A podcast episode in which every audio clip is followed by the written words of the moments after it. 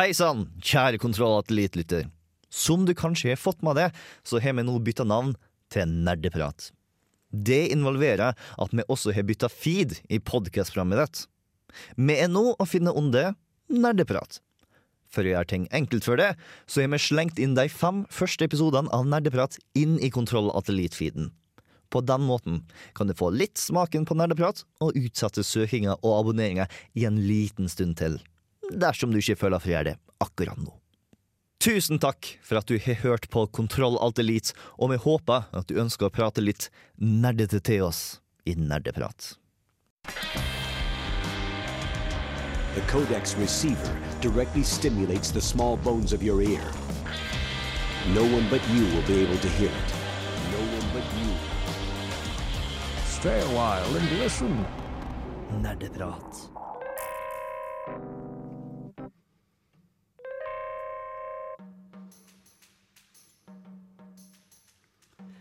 Velkommen til den første dagen, av episoden av Nerdeprat, spillmagasinet på Radio Revolt. Det er riktignok den første episoden med asterisk, fordi dette er den første episoden med navnet Nerdeprat, og den første episoden med formatet vi har nå.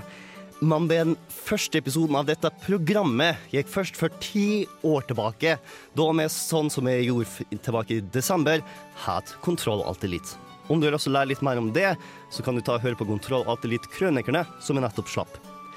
Sjansene er også ganske gode for at du allerede har hørt en Nerdeprat-episode før dette. I hvert fall dersom du har gått gjennom Nerdeprat-feeden på iTunes. Der har jeg kanskje til og med introdusert deg til mennesker som i ennå ikke blitt introdusert til sjøl. Altså, det, vi snakker nå om min nåværende framtid og din framtidige fortid. Eh, Men vi sparer denne timely wimely wibbly wobblyen for nyheten. Men det, den, men det denne episoden definitivt er, er den første episoden i 2015.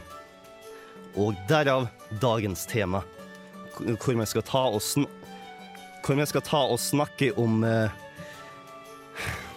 Hvor vi skal ta og snakke om spådommer i 2015, eh, eh, hva vi gleder oss til i 2015, og eh, hvordan vi totalt feiler å eh, spå 2014. Men før det, før spillsnakket, før spillnyhetene, så skal vi ta og introdusere dere til nerdene i studio. For mitt navn er Bård Asta, og jeg er ikke alene. For sammen med meg så har jeg Team Bossy. Og er det det nye navnet? Det er det nye navnet. Nei, For dere som ikke har skjønt det, så er jeg, er Kristoffer, hallo, og så er det Andreas. Og en ting som har hatt gående når vi var ny, og at vi kalte oss for Team Newbie, og så ble vi funksjonære i Snettmedia, og da ble vi Team Funky, og nå er vi Team Bossy, for nå bosser vi! og så noen ganger har vi sending. Og det er jo Oi, hoste. Det er koselig, det også. Ja, jeg overlever. Det går sånn høvelig akkurat. Hvorfor? Mm, ja, altså, altså ja. Hvor skal, skal vi begynne rett på spådommer? Nei, nei, nei, nei, nei. Vi er ikke der. Langt vekk derfra. Unnskyld, jeg ble utsatt litt. Fordi at jeg har nå tatt og sittet med hele dagen planlagt denne monologen her. Og så selvfølgelig fordi at det er god stund siden sist jeg har hatt radioprogram. k- k- tek- Teknikere hoppa inn i øret mitt og får meg totalt ut av synk. Fordi at 'Å nei, du må ta trykket på lufta', fordi at husk at du er radioprogram, og alle de folka skal høre på det. Hæ? Men? Ja, store. Jeg vil bare minne på Murphys law. Alt som vil gå galt Nei, alt som kan gå galt, vil gå galt. Ikke motsatt. Det Ja. hadde vært rart. Så bare hjemme en tjeneste og forestille det at jeg var så masse mer smooth enn jeg faktisk var, fordi at det var planen, og la oss late som det var virkeligheten også. Men det er en god stund siden sist vi har snakka sammen. Det er det. I hvert fall om nåværende nyheter og stuff. Vi har snakka litt i krønikerne mellom stuff, men nå har jeg lyst til å snakke om hva vi har spilt. For det er et ganske stort åperom mellom eh, siste episode og denne episoden, så muligheten for å spille har vært stor.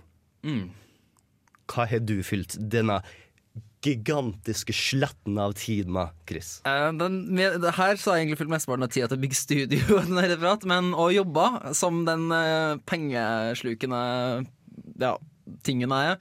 Men jeg har faktisk litt også. eh, GTA 5, som også var en pengeslukende ting. Eh, den eh, fantastisk spill, vil jeg si.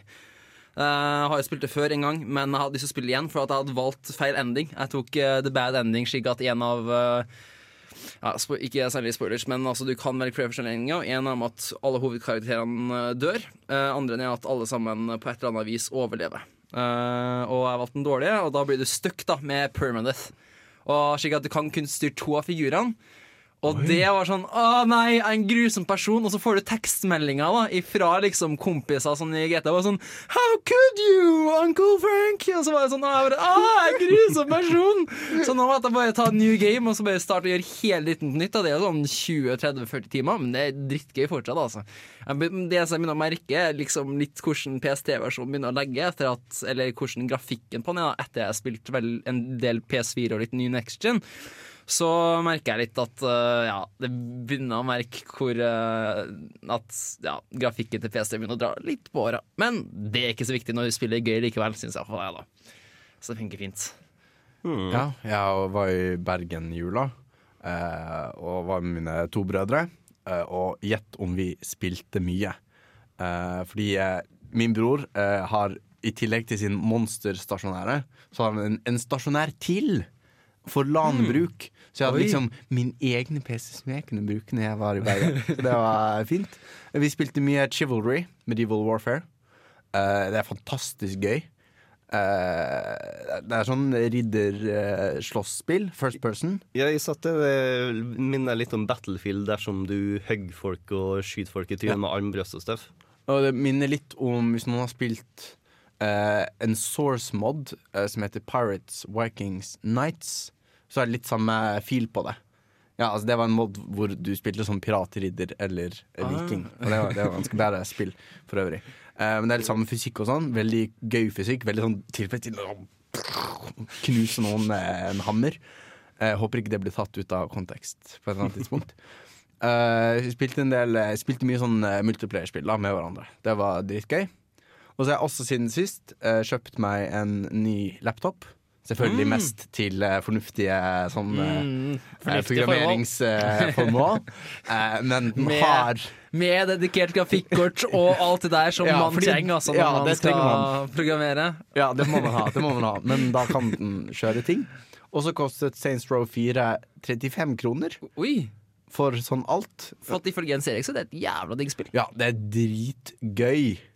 Altså, jeg vet ikke hvor mye man har hørt om Saints Row 4, men i, i første oppdrag så redder du verden fra en atomrakett. I andre oppdrag så er du presidenten i Altså USAs president. Og forsvarer verden mot rommet. Det er andre oppdrag! Og det blir villere. Det blir bare villere. Nice. Ja, det, er, er et fantastisk spill som bare sier vi er et spill, vi er til for å lage moro. Og det er bare, ja, det er bare dritgøy. Jeg innså akkurat at for første gang noensinne Så har jeg faktisk ikke kjøpt noe på Steam-salg. Wow. Jeg har kjøpt ingenting på Steam-salget i jula her. Altså Vanligvis er personen som bruker vanligvis sånn 1000-3000 kroner, og plutselig får så mange mer spill i spillbiblioteket som jeg aldri får spilt. Men jeg har faktisk ikke kjøpt en eneste ting i jula, og det er ikke pga. pengemangel, faktisk. Så hm, what have I done? Vel, når du tar og bruker 1000-2000 kroner per Steam-salg, Ja. så tar du og tynner flokken ganske kraftig. Du holdt på med rovjakt. Det er, du må gi det tid for at bestanden skal kunne ta og eh, oppfaste seg sjøl litt. Grann. Ja, men jeg er utålmodig! Må Man tar være litt mer som meg, vet du, som kun går etter de billigste prisene. Og da finner du alltid noe nytt og deilig. Men det jeg har spilt eh, i romjula, er ikke noe jeg har kjøpt på Steam. Det er noe jeg har fått uh, fiksa til eh, PlayStation 4 min, og det er Dragon Age Inquisition. Jeg er ganske glad i uh, Bioware, men jeg var ikke sånn kjempegira på Dragon Age Inquisition til å begynne med, eh, da det ble annonsert, fordi at veldig masse av det som ble presentert av Dragon Age, gikk bort ifra det som var Dragon Age for meg. Altså alt visuelt. Han helt annen stil, fordi at det var veldig hvitt og blodrødt. Mens nå så var jeg veldig masse grønt og merkelig ugjenkjennbart for meg. Eh, og eh, de fokuserte veldig på at jeg skulle være Skyrim, og men nei! Jeg vil at dere skal være mer Mass Effect. Men Jo, det jeg satte meg ned og, tok, og spilte det, og hu hei, var det artig. det, det, du så veldig tydelig at de var inspirert av Skyrim. Ja, men ikke på bekostning av det som gjorde Bioware Bioware ifra før. Så det synes jeg var ganske artig. Kult.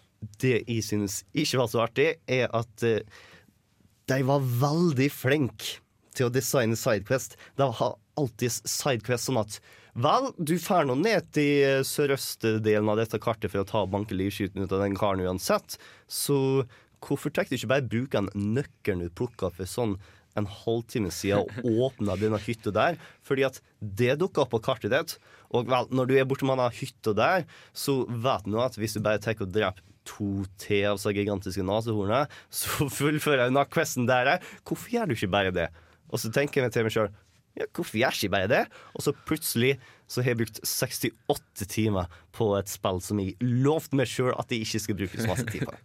Altså det er det som jeg tror er sånn problemet mitt også generelt med spill. Og at jeg kjøper så mye spill på Steam-salg, er fordi at jeg må Altså Jeg har en sånne completionist eller sånne fullførelsestrang. da jeg, liksom, jeg føler at For å få full verdi av spillene mine, så må jeg spille dem gjennom. Og så når jeg da kommer borti at å faen, jeg kjøper liksom et drittspill på Steam som er liksom skikkelig, skikkelig early access eh, og jeg likevel tenker sånn Jeg må gjøre det ferdig, så jeg er sånn øh, Har ikke lyst. Men eh, jeg kjenner meg igjen den jeg òg. Jeg husker forrige spill som jeg brukte altfor mye tid på, var Assassin's Creed Black Flag. Eh, for der har du så sjukt med ekstraoppdrag, men det er moro. Men det er liksom Gå dit, hent den kista, og hvis du henter den kista, så kan du unnlokke denne her skipsdelen. Så ja. Nei, skummelt. Ja, apropos mye tid, så har jeg kommet borti Mountain Blade 1. Og det er jo på en måte enda verre enn sånn Sidequest-greier. Det er ren sandbox. For det er litt sånn Den genererer quests til deg.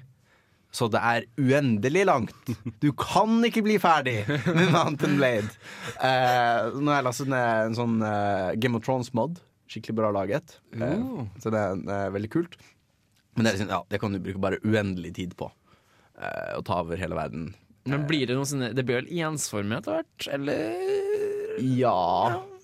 Ja. Men da kan du alltid sånn hm, Da kan vi prøve noe nytt. Hva hvis vi bare hvis du, For det er mange forskjellige factions Ja, okay. som spiller veldig forskjellig. For eksempel Kurgitene, som er basert på uh, mongoler. De har bare hestefolk. Så da må du eh, spille en veldig annen taktikk enn hvis du spiller uh, rodokkene, som har de beste crossbowene i spillet. Så alle har liksom én enhet som er den beste av sin type i spillet. Og så kan du, må du liksom bruke det taktisk til din fordel hvis du skal ta over hele Calradia. Kult. Så det, ja, du får mye ut av Hvis du liksom er ute etter å få mest spill for pengene dine, så går det bra med Mountain Blade Warband, altså. Mm. Det er mitt, eh, mitt tips hvis du tenker hva skal jeg gjøre med alle disse timene av livet mitt. Nei, men jeg tror faktisk Hvis jeg har blitt presentert med et spill som har uendelig med Sidequest, så har appellen min for å ta og utføre Sidequest sunket ganske betraktelig. Fordi at det er liksom Det er svært appellerende for meg å ta og gjøre ferdig et kart. At et kart ikke er 100% ferdig, det er svært tilfredsstillende. Så spesielt når jeg tar og sier at jeg kommer aldri til å kunne gjøre det uansett, så er det enklere for meg å legge fra det enn hvis det er sånn Jo, jo, det tar tid, men du kan.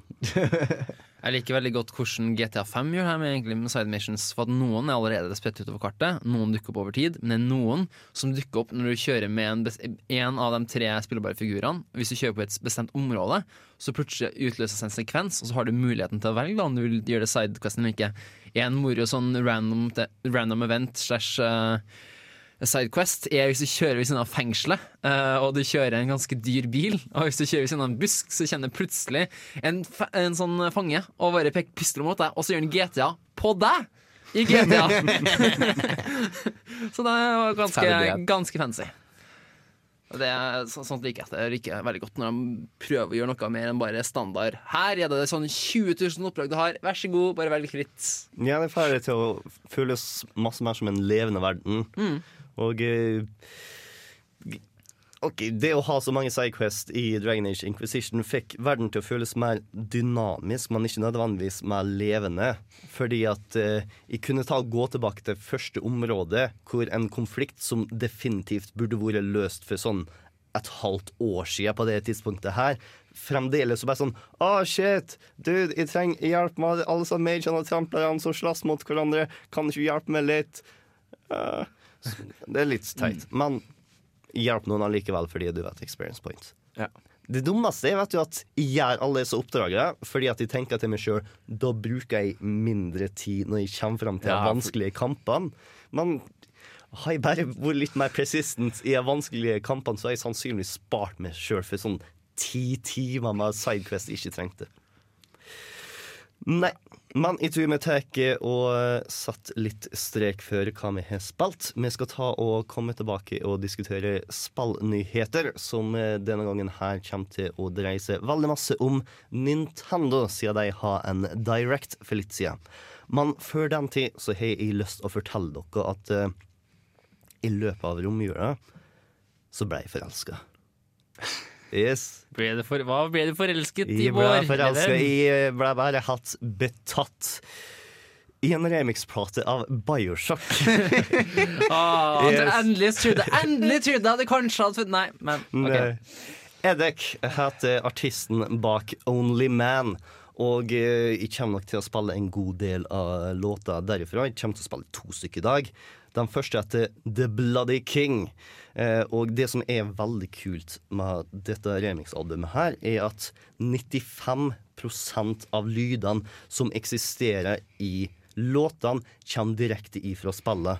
Og på den måten tar og lager et veldig Bioshock-aktig bilde. Eh, hver låt handler om noe ifra Bioshock, og The Bloody King handler selvfølgelig om Andrew Ryan. I'm here to ask you a question. Is a man not entitled to the sweat of his brow? No, says the man in Washington, it belongs to the poor. No, says the man in the Vatican, it belongs to God. I chose something different.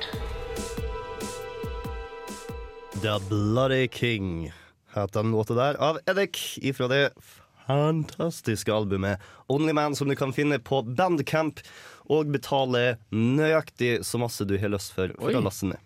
Litt som uh, Humble Bundle, men med musikk. Spennende. Det- liker den modellen, ass. Ja, nei, Bandcamp er en portal for veldig masse god musikk eh, fra indiefolk, og gjerne også ofte spillmusikk. Eh, nå skal vi ta og diskutere litt nyheter. Vi skal komme til Nintendo Direct etter hvert. Men aller først så skal vi ta og diskutere Hotline Miami 2. Fordi den har havna i litt trøbbel Ha- i Australia. Har det blitt sluppet ut ennå? Det har ikke blitt sluppet ut ennå. Men de har sikkert rata allerede. Ja. Men altså, mer trøbbel enn et åpenbart voldelig spill kommer i Australia uansett. Vel, greia er at Australia er en litt morsom historie. Vel, OK, morsom er ikke riktig ordet, men kjedelig er heller ikke ordet. For Australia, da de bestemte seg for å ta og ha aldersgrense på spill for en stund tilbake, så bestemte de seg for at den øverste aldersgrensen burde være 15 år, fordi du vet Hvorfor trenger noen å ta og lage spill som er for noen over 15 år? Det er spill, ikke sant? Og så utvikla mediet seg forbi denne tankegangen der. Men Australia holder seg til den tankegangen. Og dermed, fram til 2012, så var 18 års aldersgrense ikke en ting i Australia. Dersom du ikke klarte å nå en 15 års aldersgrense, så har du rett og slett ikke lov til å selges i Australia. Så du har spill, sånn som f.eks. Left 4 Dead 2, som måtte ta og gjøre om blodet til grønt, sånn at det ble mer monsteraktig og ikke skulle ta og ligne på sykdomsbærende mennesker. Oh, ja. Mm, yes. Eh, For å kunne ta oss helges i Australia. Wow. Ja. Australia er prega av ganske konservative folk i uh, politiske posisjoner som holder ganske kraftig på dette. Og det blir også reflektert i det som skjer med Hotline Miami 2 nå. Penny Arcade hadde en veldig morsom tegneserie på det. Den kan vi kanskje finne og linke. Hvor, uh, altså, Australia er jo mye basert på at fanger fra England ble sendt til Australia. Eh, altså Tanken var kanskje de er redd for at liksom, kriminellgenet skal sånn vekkes. Hvis de ser vold på data- dataspill, så blir de sånn Og så våkner de liksom Så plutselig blir Australia bare en svær sånn uh, Fangekoloni, kriminelle ting. Hvis liksom The beast awakens. Altså, Det kan være noe jeg har hørt, men jeg har hørt rykter om at eh, de skal kanskje innføre en 18-årsgrense. Ikke det? Nei, nei. Det. Som hvis vi tar og spoler sånn to, tilbake, to minutter tilbake i denne Ja, episoden, ja, mm. så sa at i 2012 2012, ja. så ble det innført 18 års aldersgrense. Men hvorfor er da Hotline Miami mye trøbbel? Spørsmålstegn. Det er fordi at dette var rett og slett for hardcore sjøl for en 18 års aldersgrense. Mener i hvert fall Australia. Så hvem er det for? Mener Australia, lurer jeg på. Ingen! I hvert fall ingen i Australia. Som dere kan eh, se på skjermen dere i studio, og som dere der hjemme kan finne i artikkelen vår, så eh, er den scenen som blir mest diskutert, er den som heter Midnight Animal. Som er grunnen for at eh, den ikke har blitt godtatt i Australia. Scenen går ut på at du tar og spiller en person som går inn i et hus. Du tar og eh, banker livskiten, gjerne også bokstavelig talt, ut av eh, fem personer, før du til slutt tar og slår ned ei dame i rødt undertøy. Hun ligger på bakken, du går over henne. Resten av skjermen bare fader bort. Buksa di blir tatt av, hun tar og struggler struggle om det, og så sier regissør. 'cut'. Og så viser det seg at dette er en film. Det, ja. Ja, gjør det det? Ja. OK, nå kan jeg se litt. det som også er verdt å nevne, er at før dette skjer, så kommer det en notice. This game contains uh, scenes that allude to sexual violence. Do you want that? Du kan svare nei. Og så når den delen hvor du kommer bort til dama og tar av og alt så du vet, skjer ikke det. Så det er fullt mulig for deg som ikke har lyst å ha dette, og ikke få dette. Men Australia mener at nei, nei. Dette er ikke lov til å selges i uh, australske butikkhyller eller australske digitale butikkhyller, fordi edderkopper bør fremdeles være den største faren i Australia. det, det som jeg synes er litt rart, da, er liksom hvordan uh, Altså, folk reagerer på at det her liksom blir bannlyst i Australia, men én ting som ikke folk reagerte særlig på at det ble bannlyst fra Steam, var jo Hatred. Et spill som var trailer som kom ut eh, før jul. Uh, og det var jo Det var jo et, riktignok et sånn massakrespill der det gikk ut bare på å mas massakrere så mange mennesker på så grusomme måter som mulig. Men altså Tematisk så er det litt det samme. Kanskje altså, den har, jo- Hot med high bedre story, men Ja, jeg vet ikke. Men vi vi skiller mellom hatred og, og dette her. Fordi hatred eh, var det Steam som sa vi vil ikke selge dette på vår plattform. Og som privat butikk så kan selvfølgelig butikken si nei, vi vil ikke kjøpe inn denne varen. På samme måte som Edge, en butikk kan si nei, i vår butikk så selger vi ikke mangoer, og det er helt fint. Sant? Eh, fordi vi er ikke den typen butikk. Men det er noe annet å si at et land, en stat, sier vi vil sensurere denne utgivelsen. Det, vi må, ja, det, det er en forskjell der. sant? At våre borgere ikke skal ha muligheten på denne teksten. Men det, det er også verdt å påpeke at folk reagerte da Hatred ble sensurert fra Steam. Det var veldig mange som tok og skreik ut uh, den gode gamle 'freedom of speech' og alt sånt som det der. Mm, og som også er grunnen for at Hatred nå blir mulig å kjøpe på Steam etter hvert. Oi, Blir det det? Mm, den blir det. interessant. Indeed. Det, men du vet, dersom du ikke synes noe særlig om hatred, ikke kjøp det. Vote with your wallets. Jeg syns det er synd at man går i sensurretningen. Fordi jeg skjønner dette er veldig problematisk. Altså Jeg ble litt sånn når vi viste den på skjermen her i studio. Og jeg ble litt sånn øh, når, når det skjedde. Men det, måte, det betyr at det er, her skjer det et eller annet. Her er noe sånn Dette var ubehagelig. Dette burde vi kunne ha en samtale, en debatt om. Kan man gjøre dette i spill? Er det mulig å gjøre dette i spill? Og vi kan ikke ha den debatten hvis dette spillet ikke kan selges. Man, folk må spille dette spillet hvis vi kan ha den viktige debatten der. Og det går jo også litt eh, Jeg husker når GTA 5 ble bannlyst fra Target, jeg tror, i Australia. Eh, Så var jo spillpikene eh, Hadde en veldig god artikkel om det, da, for at plutselig så begynte jo en eh, norsk feministorganisasjon også og skulle kreve at det skulle bannlyses fra Norge. Og da kom Spillpikene med en artikkel, og, og en av de punktene jeg syntes var kjempeinteressant, av var at det var mer produktivt å diskutere eh, selve spillet, istedenfor å bare bannlyste og unngå diskusjon. Da. Og det synes jeg, altså, Beklager om jeg tar og øh, mistolker det, men det var sånn jeg tolka. Jeg syns det er veldig kult. Men den australske staten har sagt nei, dette skal dere ikke få lov til å kjøpe. Men eh, skaperen av Hotline Miami gir litt faen i hva den australske staten sier, og sier OK, hvis dere ikke får lov til å kjøpe det, ikke kjøp det. Piratkopier det. Hvis det er ulovlig for dere å kjøpe det, så er det fullt lovlig i mine øyne for at dere lasta inn er ulovlig. Kult. Det likte jeg. Ja, og eh, det er kudos til han, altså. Det er, for, eh, det er litt forståelig for en skaper å ha ønske om at ting blir opplevd. At alt det du putter så masse tid i, blir opplevd av andre. Kjipt nok at den ikke får penger, men pengene får han aldri uansett. Så da er det like så greit at Australia også kan ta og spise litt forbuden frukt. Ja, Det som gjør meg litt skeptisk, da, øh, og det må gi meg litt feedback her, ass, men da virker det, som er dumt, at det har jo kanskje en negativ ringvirkning også. At det kan virke som at nå blir piratkopiering litt greit av og til. Og så føler jeg at grensene kanskje blir litt sånn shady. Men Andreas, du har sikkert poeng. Er ikke piratkopiering litt greit av og til? Jeg vet Anyone? ikke. Anyone? Når man ikke har råd.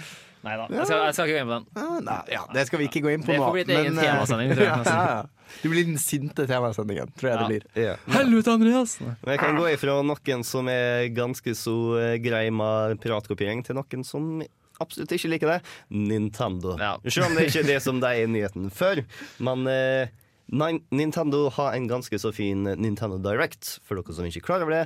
En gang iblant så tar Nintendo har sine egne pressekonferanser mer eller mindre på YouTube, hvor de tar og legger ut en hel med trailere og kommer en hel med annonseringer fordi at Fuck E3 og konferanser og stuff. De kan gjøre sine egne ting takket være sosiale medier. Woo, Og de 2015. sparer penger! Det gjør de også. Men, Altså, Det er jo derfor de gjør det. men samtidig så er Nintendo Directen, mens det fremdeles ikke er ikke klein, så er det langt mindre klein enn pressekonferansene Ja, har det, tilbake i det er fordi de kan jo gjøre ting som at de kan liksom filme inn scener på forhånd. Der har Reggie fisa med og Miyamoto som slåss mot hverandre i Smash-stil. Så ja, lurt. Et smart trekk for all del. uh, men eh, det er et helt annet medium, så hvis de, liksom, hvis de kunne bli, kan bli klein på det mediumet, og det, det er de jo litt også Oi, så selvfølgelig. Jeg vet det, altså. Nintendo kommer alltid til å være litt klein. Ja, men alltids underholdende klein, i min mening. Sjarmerende klær. Men eh, det som var den største nyheten for eh, oss utenfor Japan, er at vi nå får den nye Nintendo 3DS-en. Som Å, herregud, som jeg gleder meg til å jobbe i but- spillbutikk når den kommer ut. Fordi at du har nå Nintendo 3DS-en og Nintendo 3DS XL-en. Og Nintendo 2DS-en, som kan spille samme spillet som Nintendo 3DS-en, bare ikke i 3D. Og du har for øvrig også Nintendo DS, DSi og DSi XL. Men snart så skal vi få ny Nintendo 3DS og ny Nintendo 3DS XL, som kan spille alle samme spiller som Nintendo 3DS, 3DS XL og 2DS, Man også kan spille noen ekstra som de andre ikke kan. Så Er det noe Nintendo er notorisk ræva på, så er det å markere Eller markedsføre produktene sine. For jeg har jo også før jobba på spillebutikk. Og det er sånn at når Wii U var sluppet ut, så var det sånn Ja, er det sånn ekstra kontroller til Wii-en, da? Eller altså Nei, er det sånn øh, Ja, men kan jeg spille Wii U-spill på Wii-en? Og Ikke sant? Masse sånn, da. Altså, det er jo ikke rart folk sier det heller. For at det, det er jo, hvis du ikke gjør noe research på det, hvis du er en forelder ikke sant, som er markedsgruppen som Nintendo går for, så vil de ikke bruke så lang tid på det. De vil jo bare skaffe det produktet til kidsene sine, og så gi det til dem. ikke sant? Så da er det nesten Da syns jeg nesten at det, Jeg skjønner ikke hva Nintendo driver med. De burde egentlig ha mer klare navn. Samme som med en ny iPad. ikke sant? Når det kommer en ny iPad, ja, hva skal du kalle den forrige nye iPad? da? Old new iPad? Jeg vet da faen, jeg.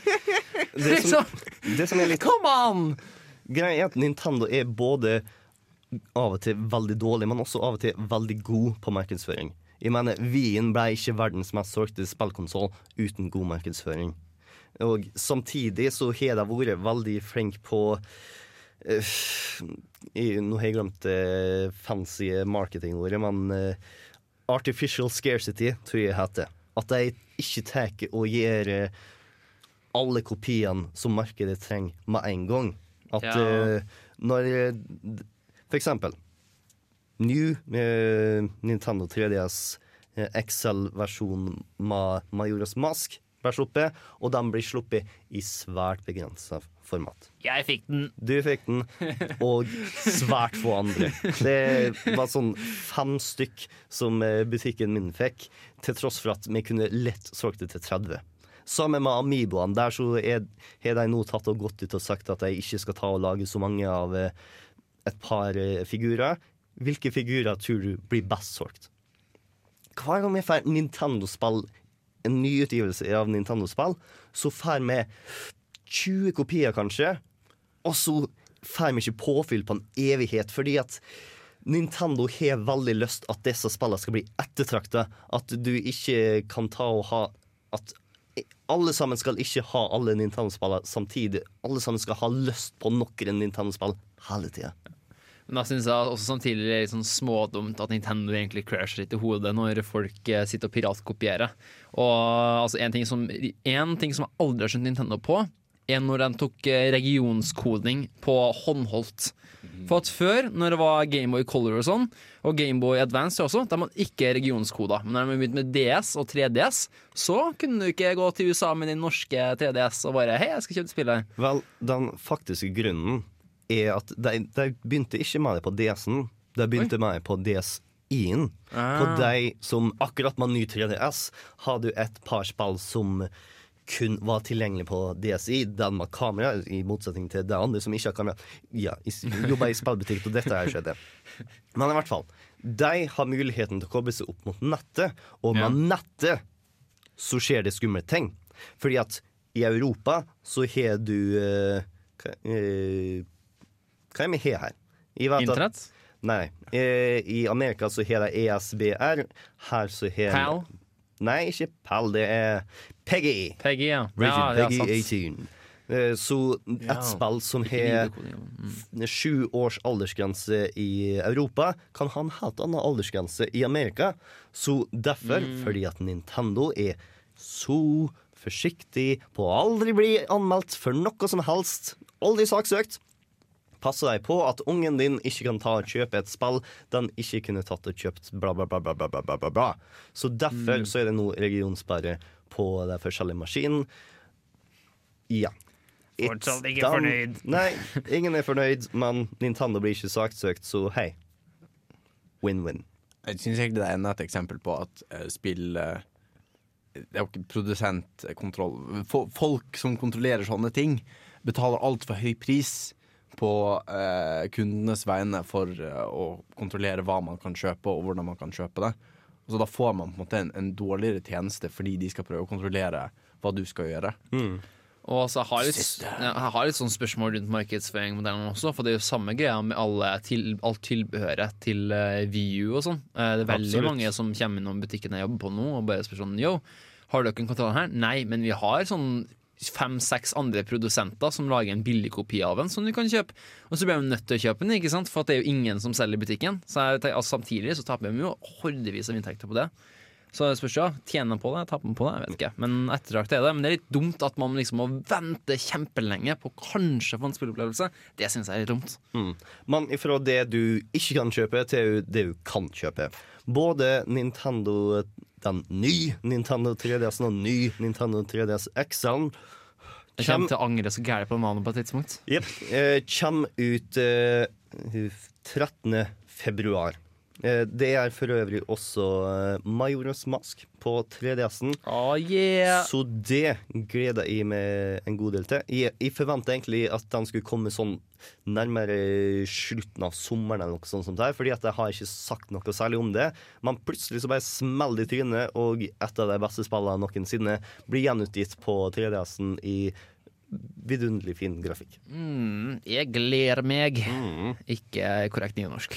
Og eh, dersom Hanna Gulbrandsen har vært her i stedet for bussen hun ser på for øyeblikket på vei mot studio, så har hun sannsynligvis vært enig i dine sentiment. Ja, vi satt eh, Altså, jeg og Hanne husker en gang vi satt faktisk og spekulerte på jobb. eh, om, eh, for jeg jobber på samme arbeidsplass. Um, og vi satt og spekulerte på om vi egentlig skulle boikotte uh, med å gjøre Smask-releasen. Fordi at uh, i Dere hater dere sjøl? Nei, ikke, fordi vi hater oss sjøl, men fordi vi hater litt av det Nintendo driver med. Fordi at eh, Nintendo er veldig glad i å bruke en fabrikk som heter Foxconn. Og Foxconn er veldig notorisk kjent for å ha brukt barnearbeidere. Og derfor var det litt sånn skal vi egentlig ha en sånn boikott? Men så var det liksom all, det, det, Jeg tror vi kom frem til slutt da, at det var aldri noe movement for det. Og når det er liksom det er to da som bare sier og tenker Ja, vi skal ha boikott av vinningsspillet vårt, så blir det litt sånn Har, har dere sett det bildet av Det var en sånn boikott av eh, Call of Duty Modern Warfare 2, mener jeg. Når de eh, ikke skulle ha sånn dedicated servers.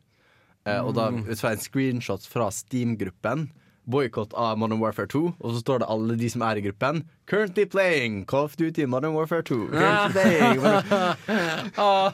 Så det boikottet går aldri bra, for det er ingen som gidder å gjennomføre det. Vote with your wallets. Ja. Men det var ikke kun Nintendo, ny Nintendo 3DS som ble annonsert på na, Directen her. Det ble også annonsert litt av hvert som i et svært positivt skritt framfor Nintendo. Fordi at nå så kan du ta og laste ned Wii-spill på Wii-U-en. Og uten å kjøre ned emulatormenyen til VU-en? Nettopp. Oi, det, det er derfor det er det, det er derfor det har venta fram til nå. Fordi at på tidligere tidspunkt Den eneste måten for det å ta og spille Wii-spill på Wii-U-en, er å ta og si til Wii-U-en din OK, slutt å være en Wii-U, var en Wii. Og så skrur den seg av og skrur seg på som en Wii. Og den vil være en vi fram til du skrur den av, og så er den sånn OK, skal jeg være en vi eller Wii-U nå? Men nå så har Nintendo tatt og jobba hardt nok til at eh, Wii-U-en forstår seg på vi-spill, og det betyr at et par spill blir plutselig eh, lett tilgjengelig på Wien. Det inkluderer Super. Mario Galaxy 2. Det inkluderer Punch-Out. Og det inkluderer det svært ettertrakta samlepakken Metroid Pride, eh, Prime Triology, som Når vi snakker om artificial scarcity, så vanskelig å finne tak i. Før, før denne annonseringa her, dersom du eide det, så kunne du lett tjent 1000 kroner, om ikke flere tusen kroner, Det på å selge det. skulle jeg visst når jeg jobba på en liten bokhandel i Hutaheita, at ingen kjøper spill. Men eh, ja. Akkurat som da jeg skulle kjøpe bitcoin, og så hadde jeg tenkt å egentlig kjøpe masse bitcoins, så nå kunne jeg blitt millionær, men jeg gjør ikke det heller. Nei. Nå kommer mange det. Nei, jeg bare begynte å tenke på hvordan man gjør Men Er det spillene som er blitt kodet om for å passe til Wii U, eller har Wii U gjort noe magisk og blitt en Wii? Jeg tror, Ja, jeg bare det at, jeg tror det bare har vært en plan over lengre tid at de skal ha gjort det. Og den eneste grunnen de ikke har gjort det, er for at de har liksom alltid vært en greie at å, nå får du en ny konsoll som du kan eh, kjøpe på uh, VU-shop. Eh, før så var det liksom å, nå kan du kjøpe Gameboy Color, og nå kan du kjøpe Game Advance. Så jeg tror ikke det har vært noe med at uh, de ikke har hardware for det. Jeg tror det bare har vært at de bare har gått fra konsoll til konsoll. Og vet Altså, ikke. altså, går du inn på Wii Store, og så kjøper du liksom en Wii?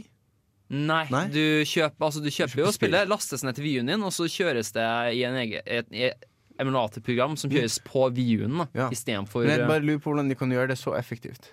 Fordi altså, We, det emulatorprogrammet er sykt krevende. Jo, jo, det er grunnen, det husker jeg, for at grunnen til at du kan emulere en Wii på en Wii U, er for at de bygger på samme arkitekturen. Mm, så derfor kan du også emulere Wii-spill på Wii U-modus nå. Fordi de bruker samme arkitektur. Og derfor er også Wii U-en egentlig treigere enn den kunne ha blitt, fordi de tok hensyn til VU-modus ah, og den, dens Ja, arkitektur. da Og eh, de spiller hvor du har muligheten til å spille med en pro-kontroller på Wien, så har du nå muligheten til å spille med gamepaden på VU-versjonen. Eh, Det ble også annonsert et par ting som kanskje bare jeg tenker å bry meg om. Sånn som en oppfølger til Fire Emblem Awakening ble annonsert, som ser dritkul ut. Mange av de samme folka jobber fremdeles med det, og denne gangen her så har de tatt og funnet tak i en visstnok ganske kjent og eh, flink mangaforfatter til å stå for historien bak eh, spillet. Eh, de har annonsert Mario Party 10. Det er liksom, nå begynner tallet å bli så stort at det nesten er teit å ha tall på det. For at det er litt sånn Ja. Tiende Ja, iterasjon. Fantasy er på Ja, 30, ja 14-15. Ja, men altså, der føler jeg virkelig at det er sånn Really? Hvor mange ganger skal Ikke vi veldig Final. Hvor Ikke mange, veldig nei, ikke veldig Final Fantasy. Så det er altså Final kom jo fra at det var det siste spillet som Square egentlig skulle lage. Eller var det Enix? En av dem. Ja, Square, ja. Mm. Og, men iallfall. Altså, de prøver jo bare å, Sorry, ass, men de prøver å få til Final Fantasy 7 på nytt. Men ikke uten å De klarer det ikke så veldig bra.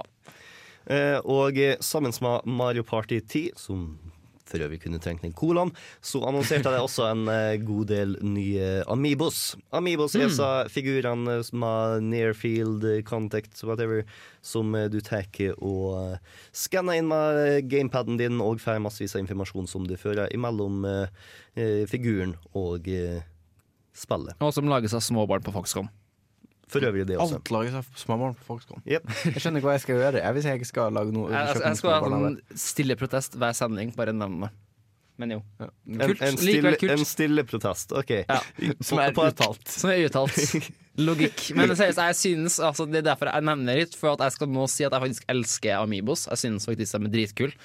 Uh, så det er sånn motgående retorikk. Men altså, jeg digger bare generelt at du har en figur som generelt ser kul ut, bortsett fra et par figurer som ser latterlig dårlig ut. Eh, Men så er også det her greia med at du har noe personalisert, at du har noe som er ditt. da Eh, At jeg liksom, Når jeg tar Mario-amiiboen min og plasserer den på Smash Bros, så får jeg min egen eh, trent som jeg har trent sjøl. Til å slåss med eller mot meg. da Altså Folk var sånn Nei, faen, orker ikke å slåss mot han! Han dreper jo alle sammen! Inkludert meg sjøl også, da. Men uh, ja. Er det, er det litt sånn neste steg? Nå som, fordi nå skal vi kjøpe mer og mer digitale spill. Så mister vi litt det personlige i et spill. Sant? Fordi du har liksom ikke disken lenger, du har bare noen bits på PC-en din, men alle andre har de samme bitsene. Er liksom å ha en sånn Amibo-aktig greie, er det måten å føle du har noe personlig? Kanskje det, men det, er- altså, det er jo en genial måte å skreddersy produkter på, da. Eh, Generelt. Altså, ja, kanskje, men usikkert. Men uh, som sagt, genial måte å skreddersy et ellers uh, statisk produkt. Eller ganske ja. Statisk er vel ordet. Ja. Nei, jeg, har, har du flere nyheter? Ja, For- eh, jeg kan en skikkelig kjapp en. Jeg skal bare ta utbrodere det med Amiibos, fordi at eh, planen til Nintendo er at alle, alle karakterene i Super Smash skal få hver sin Amiibo, og enda flere kommer nå, Megamann og alt mulig annet. Kan man skaffe alle for dem i Mm da. Og samtidig så kommer det også en ny linje med Amiibos for, eh, som heter Super Mario-linjen, hvor du nå har en ny Mario, Luigi, Peach, Bowser og Wario. Der Ja. døde collectionismen i meg. Alle disse fem som jeg nevnte nå, kan du ta og få via Super Smash. Men du har også Toad i Super Mario-linjen, som ikke finnes i Super Smash. Og som tar og gir det spesielle fordeler i eh, Captain Toad Treasure Tracker-spillet. Altså, Du sier collectionismen din har dødd, Chris, men du vet det er en løgn. Ja, Du kommer til men jeg har, jeg har bare så mye ting jeg skal bruke penger på! liksom, først er det liksom en collectible uh, Majora's Max 3DS og den claptrap-figur i en special edition. Ja, det går on and on, og det er ikke billig. Faen, det suger å være entusiast. Det er ikke måte på hvor ofte Chris har fortalt meg Nå skal jeg ta og spare veldig mange penger. Men før det så skal jeg bare Jeg skal bare kjøpe denne stasjonær-PC-en her. Og, denne Surfacen her fordi at de trenger den. Og så, og så, dette, dette utstyret her trenger jo også. Men etter det, i Sverige Vel, kanskje. Jepp. Men Jeg Andreas, jobber for mye. ta, Ja, fordi apropos når vi snakket om liksom spill du kan få og sånn. EA, altså Mm. mye kan sies om Origin-plattformen. Men de har begynt å gi bort en del sånn gratis spill. Og nå gir de bort uh, Theme Hospital. oh, yes. Den gode gamle sånn uh, simulatorklassikeren. Så det kan du, eh, hvis du tenker Ja, men jeg har jo ikke sånn der Nintendo-konsoll. Jeg har bare en datamaskin. Da kan du eh, skaffe deg Origin og skaffe deg Theme Hospital helt gratis. Det var Cool. liksom min, eh, Free lille- games, men det er på Origin. Ja, det, det er på Origin, men det er gratis. Så var det ikke de som skulle slutte med Origin. Da. Jeg tror det, Både Ubisoft og EA sa at de skulle slutte med det forbanna Når var det EA sa det? er rundt en av instansene der fucka seg opp. Ja, Mye kan sies om Origin, men det er ikke Uplay. Ja, nei, eh, Origin har faktisk fått ganske eh, Oi. god tilbakemelding i det senere året. Fordi at Vel, hvis du ser på tilbakemeldinga Origin fikk i det tidligere året, så er det ganske lik tilbakemeldinga Steam fikk tilbake i det tidligere året. Og nå så har det faktisk klart å blitt brukbar, om ikke noe annet. Og enkelte folk som liker EA-spill, har også da en svært fordel av eh, å ha Origins. Brukbart nok til at du bare trenger et par gratisspill. For at det skal ok Ja, men det er jo kjempe, det er jo kjempelurt fra jeg sin side. Og på en måte, med en gang folk har en konto, med en gang folk har Origin på PC-en sin, så er det jo ikke noe stress å kjøpe et spill. Men da må du først laste den ned. Så da kjøper du, laster du den ned for det gratisspillet. Mm. Så sjekk ut det på Origins. Det var det siste vi har av nyheter. Eh, nå snart så skal vi ta og høre litt på noe som Jens Erik lagde og insisterte på at vi ikke skulle ta og høre før eh, sendinga, Yep. så vi får vente og se. Eh, det han skrev, var at eh, Takk til Capcom for å lage et herlig spill. Takk til Chris Monsen og Sigurd Vik for inspirasjon. Og takk til meg sjøl for å være så jævla Takk av ta meg! Oi! Så! Vi får høre på det eh, etter at vi har hørt på Oath to Order av Hylian Assemble.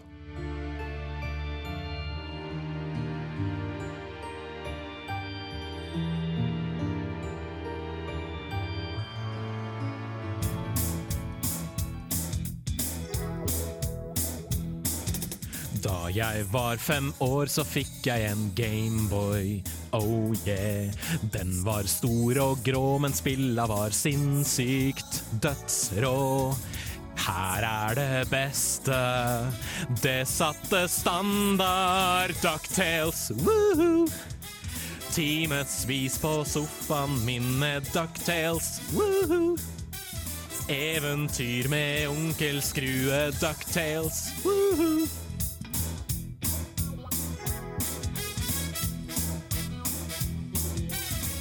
Plattformspill har stått i synsfeltet for det meste. RPG og FPS, ja, jeg spiller det meste. Men favoritten slår all den dritten. Ducktales, woohoo! Sleit ut tomlene mine i Ducktales, woohoo! Hver dag skifter batterier, Ducktales, woohoo! K-k-k- Capcom ga oss perlen, kjøttskrue ut av atmosfæren. Skattejakt på månen her i Ducktales.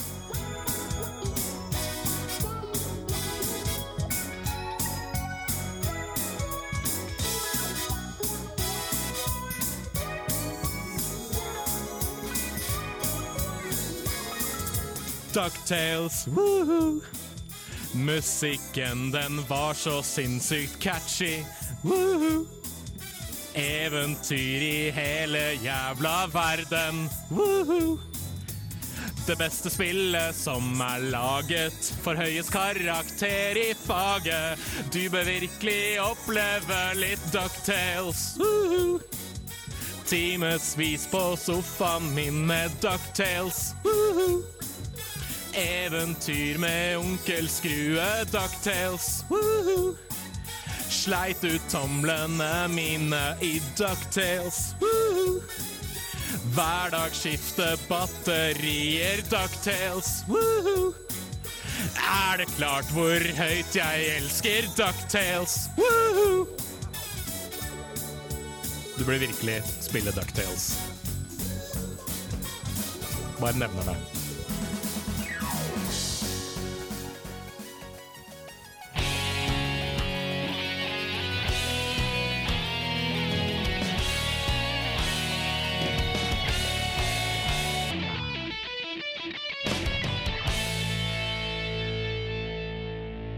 Sweet Memories of Earth hørte du der ifra Carbohydro M. Og eh, før det så hørte du også en annen musikalsk kar, nemlig Jens Erik. Det var derfor det var derfor gammel radiorevoltraver Jens Erik Våler sa at jeg ikke skulle høre på ham her når han lagt inn i databasesystemet når jeg sa at jeg hadde lyst til å høre på ham. Det var derfor! Og det var derfor han ikke er på sending i dag!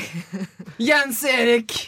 Bra jobba. Han kommer med noen sånne teite unnskyldninger som at han nettopp har fått sin ny jobb og skal ta og oppleie seg. Men nei, jeg tror det rett og slett er bare det at han ikke klarte å være i samme rom som oss etter dette. Men det var jævlig bra. Men noen som er i samme rom som oss, er Hanna Gulbrandsen. Som Jeg rakk den, så jeg røyk. Ja da, jeg rakk så vidt sendinga med et skrik. Nei. Det er ikke så ille. Ja, men eh, vi har nå tatt og gått litt igjennom eh, hva vi har spilt i løpet av romjula, og jeg er litt nysgjerrig på hva du har gjort. Ja, jeg har faktisk spilt litt. Mer enn vanlig. Boop. Jeg har uh, plukka opp Mario Kart igjen. Syns det er like moro som før. La du noensinne ned? Eh, ja, det var en periode hvor jeg ikke spilte før jul i det hele tatt. Jeg fikk meg en eh, litt mer eh, eh, Ja. Litt uh, heftigere jobb enn det jeg egentlig hadde tenkt. Uh, og hadde egentlig ingen tid å spille på. Men, uh, så jeg hadde en liten pause. Men skillsa er der ennå, hvis dere lurte, da. Eh, og så har jeg spilt litt av hvert. Akkurat nå sitter jeg og spiller Toad Treasure Tracker og koser meg gløgg i hjel med det. Det et Utrolig fantastisk spill. Hva slags spill er det for folk som ikke hørte med? Det er en uh, spin-off fra Mario-universet. Uh, hvor det er Captain Toad. Eh, soppen, altså, som er ute på nye eventyr. eh, og har fått sitt eget spill. Og det er veldig Altså, selve plattformen er begrensa, selv om det er en plattformer. Eh, en puzzle-platformer, vil jeg vel kalle det. Eh, hvor du labber rundt og løser ulike oppgaver. Og brettene er veldig korte og veldig godt gjennomtenkte. Uh, og det er så mange søte detaljer, og det har jeg veldig sansen for. Så eh, det var en kort, kort anmeldelse. Veldig verdt pengene, i hvert fall når jeg innså at det er mye mer i det enn det jeg først trodde at det var. Eh, det setter man pris på. Ja. Du har ikke like masse sansen for Dragon Age Inquisition som det jeg har. Nei, jeg klarte ikke å komme helt inn i det. Jeg trodde virkelig folk som elsker det, skulle lynsje meg, men eh, det har gått bra så langt. Men det er ikke helt min type spill, tror jeg. Rett og slett. Så jeg spalte gjennom de samme første timene som det du gjorde. Det er tregt til å bli bra, men når det blir bra, så blir det bra. Ja. uh, ja. Jeg ser jo ikke ai. Jeg ser på en måte ikke den delen av spillet som jeg kan finne interessant bli bra. Jeg, da. Det er på en måte kamp. Jeg vil ha litt utfordring der, samtidig som en god historie i bakgrunnen. Men for meg skal det være en bakgrunnsgreie. Dragon Age Inquisition er vel kanskje først og fremst en veldig god historie. Uh, og litt mer sånn gameplay mens du egentlig får det servert. Så jeg tror nok ikke det skal bli helt min greie. Jeg skal gi det en sjanse til, uh, men jeg tror ikke det blir tingen. Men som en siste greie, for jeg spilte et veldig, veldig bra spill i ferien sammen med samboeren min, som aldri spiller spill, så det var gøy. Uh, jeg lurer på om det heter uh, Momentum, Momentarium, Moment something something. Jeg skal finne det fram etterpå. Men det er et uh, Spilte det på tablet, på iPad. Og det er et spill som fucker skikkelig med på en måte Hvor du er hen i, i rom. Versus, altså Du kan vri brettet rundt, men du kan lage sånn typisk sånn evighetstrapper og sånn. Nå husker jeg ikke hva helt det heter i farta, men det, det tuller med perspektiv, rett og slett.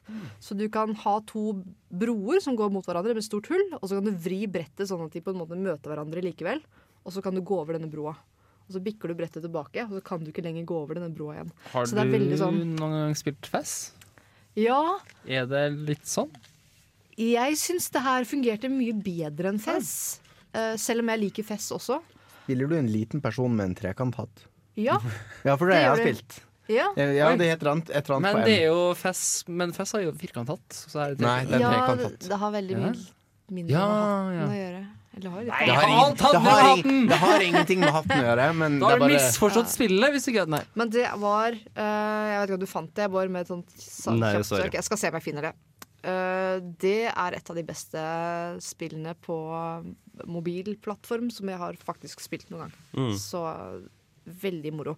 Tok ikke så lang tid, og gåtene var ikke så veldig vanskelig. For, I hvert fall ikke for de som har tatt noen puzzles før. Men det gjorde liksom ingenting. For det var liksom derre åh, kult, liksom. Så jeg skal finne navn på det. Mm. Med først om du ikke kan gjøre det i løpet av en låt. Eh, når vi kommer tilbake, så kanskje vi har det navnet, men vi kommer definitivt til å se tilbake på våre spådommer for spillåret 2014, Uh-oh. og hvor totalt feil vi tok. Eh, men vi skal som sagt ta og høre litt musikk. Jens Erik, som var vårt si musikale innslag for litt siden, eh, har tatt og eh, kom innom med et par låter fra Harmony of Heroes, som er et album eh, laga av veldig mange forskjellige artister for Super Smash-musikk, som i bunn og grunn egentlig er Nintendo-musikk. Eh, og nå så har jeg titta litt på dette albumet og fått tak i noe jeg liker veldig godt, nemlig en awesome blir på en god gammel klassiker. Dette er Kong Collective. So performing for you. If you know the words, you can join in too. Put your hands together if you wanna clap as we take you through this monkey rap. DK, Donkey Kong, DK, Donkey Kong is here. Banana. Kong Collective av Sebastian Mortison og en hæl haug med andre folk som har hjulpet han fra albumet Harmony of Heroes. Og med en remix av G-Dog, også kjent som Hanna Gulbrandsen. Så, Kommer det knapp OK? Put it to rest. Yes. Nei, nei. Mens du tok og trykka på knapper og ødela låter på eh, live radio, Det var for en god sak. så fant du også tak i navnet på dette spillet. Monument Valley heter spillet. Så sjekk det ut. Det er ute på både iOS og Android. Det tror kanskje det koster noe penger, men det er ikke mye. Så it's worth it anyway. Mye mindre enn det du har brukt på Steam i løpet av livet ditt. Så. Det er veldig sant. Men nå bryr vi oss ikke om hele livet vårt, nå bryr vi oss om 2014 og hva vi trodde om det helt på starten. Fordi som er tradisjon her i Kontroll alltid litt, og med tradisjon mener vi at vi har gjort det i hvert fall to ganger, så da er det definitivt en tradisjon. Eh, Så tar vi og starter spillåret med å komme med et par spådommer om hva det kommende året vil ta og bringe oss, og se tilbake på hva de tidligere spådommene våre totalt feiler på seg. Du sa kontroll til litt, bare. Ja, Kan vi ha en sånn knapp som vi trykker altså. det, Feil navn. Det var en tradisjon i Kontroll alltid elite. Ja, det er først nå at det er en nerdeprat. Men er det da en tradisjon, eller er det, det først neste år det blir en tradisjon siden vi ikke har hatt det før i Nerdeprat? viderefører oh, tradisjonen. ja, ja, ja, OK, da. Orkla er et selskap som nå bytter navn. Derfor må vi bytte alle som eier den. Fordi alt annet er gammelt. Det er ikke sånn det fungerer. vet du Noen ting blir med. OK, da. Anywho. Skal vi ta og gå gjennom lista? Er det noen som har trua på at de har naila noe? Er det noen som har lyst å gå først? Altså, jeg sa noe om Linux, men jeg yep. husker. Uh, og jeg tror jeg liksom sa ja, storspill kommer på Linux. Og det er liksom Når jeg tenkte meg tilbake så Nei! Det skjedde ikke. Gjorde det vel. Men så åpnet jeg Steam, og så åpnet jeg på sånn Linux, Linux Games. Og så ser jeg at det er jo masse spill som er på Linux. Men det var det jo før også. Det Ja, var men langt, langt flere. Dørum tror han vet hva han sa. Jeg vet hva Dørum sa, for jeg har lista stående her. Vi har alle sammen eh, fire spådommer. Spådom nummer én fra Andreas Handal Dørum er Early Access-boblen sprekk. Ja, det, Hva mener er jeg, det for noe? det mener jeg har skjedd. Det- Det, en slags Nei, Har det ikke alltid vært der? den, er ikke, den er ikke borte. Early Access-spill Ja, men er fremdeles Det er der, men folk har begynt å innse hvor Jo, jo, men at bobla It sprekk didn't er blow noe in anyone's faces, Ja, for å si det, det er sånn. noe dramatisk. Og det har ikke skjedd noen dramatiske endringer på Steam ennå. Så null poeng så langt. Vel, hatred-greia, da. Ja, men det var ikke Early Access, det var bare dritt. Var det ikke? Ja, men det var Early Access. Ja, ikke men det var ikke fordi det var Early Access. OK, da. Nummer to er den du sånn delvis husker. Et storspill utvikla primært for Linux slippes. Den den kommer, den kommer selvfølgelig ut for alt annet også. For Linux-folk liker å dele. Og det er kun sære nerder som bryr seg. Jeg kommer til å invitere til fest. Close. Nå no dør jeg. dice. Festen skjedde i hvert fall ikke. Nei. Eh, men kanskje spillet har blitt sluppet, og ingen merket det. Vel, hvis festen ikke skjedde, så er jeg stygt redd for at du ikke får poenget. Ikke noe fest uten å ha knallfest. Nummer tre er samtlige Det var ansatte. Ja. Samtlige ansatte i Cinemax, selskapet som eier Betesta, og som står bak Elderscrolls Online, kommer til å våkne samtidig, midt på natta. I et sjeldent øyeblikk av klarhet kommer de til å innse at det de egentlig skulle lage, var Skyrim som kollaborasjonsmodus. Skriket ville kunne høres i bakgrunnen på Kontroll Alt Elite. Jeg har hørt at det har skjedd. Ja, det, men det, det, det, altså, Så et poeng. det skjedde ikke nøyaktig på den måten, men jeg hadde jo helt rett. De burde laget De burde ha gjort det, men de har på ingen måte tatt og gitt uttrykk for at det er det de burde gjort. Men hvis du hadde våknet opp på natta og plutselig innsett noe sånt, så hadde du ikke sagt det til noen. Nei, det kan ha mann, skjedd. mann De lever med Skriket vil kunne oh. høres i bakgrunnen på Kontroll til litt, og Ja. På Kontroll til så har du ikke hørt nok. Little known fact. Det skriket skjedde samtidig som Chris rantet om Eldersfoss Online. Så da kan du ikke høre det, fordi den ranten var veldig veldig høylytt. Mens analytikerne våre tar en titt på det, så går vi videre til Nummer fire. Og denne får du poeng for, fordi at den var utrolig kjedelig, men fremdeles riktig. PC-gaming dør ikke i år heller, bitches. Wow. Well, thank you, Captain Obvious. Så Next. et kjedelig poeng til deg. Yeah. Det er bare de kjedelige du får poeng for. egentlig. Nei, du må tørre å gutse litt. Yeah. skal vi se på hvordan han har gutset? Jeg tror faktisk jeg gutsa enda mer, for jeg har vært så sykt spesifikk. Men Så kanskje det Ja. Hanna tok også gikk inn for eh, Elder Scrolls Online, hvor eh, The Elder Scrolls Online kommer til å bli et heftig slag for Betestas økonomi.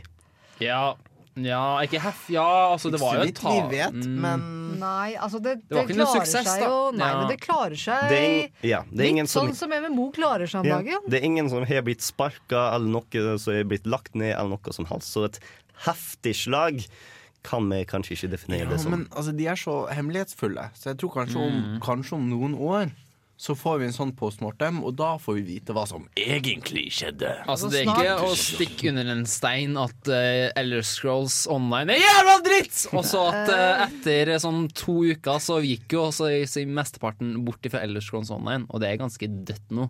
Sånn at De tjener jo ikke akkurat penger på det. Det eneste de tjener penger på, er de folkene som hadde lyst til å sjekke det ut tidlig, betalt 500 kroner for å spille fucking spillet, og så måtte de også betale for å ha månedsabonnement, og så kansellere det! Ikke sint i det hele tatt. Ja, Dersom du ikke siste, bit. Eh, det skal godt gjøres å få Elder Scrolls Online opp på bena igjen. Nå blir antageligvis World of Warcraft etter hvert free to play.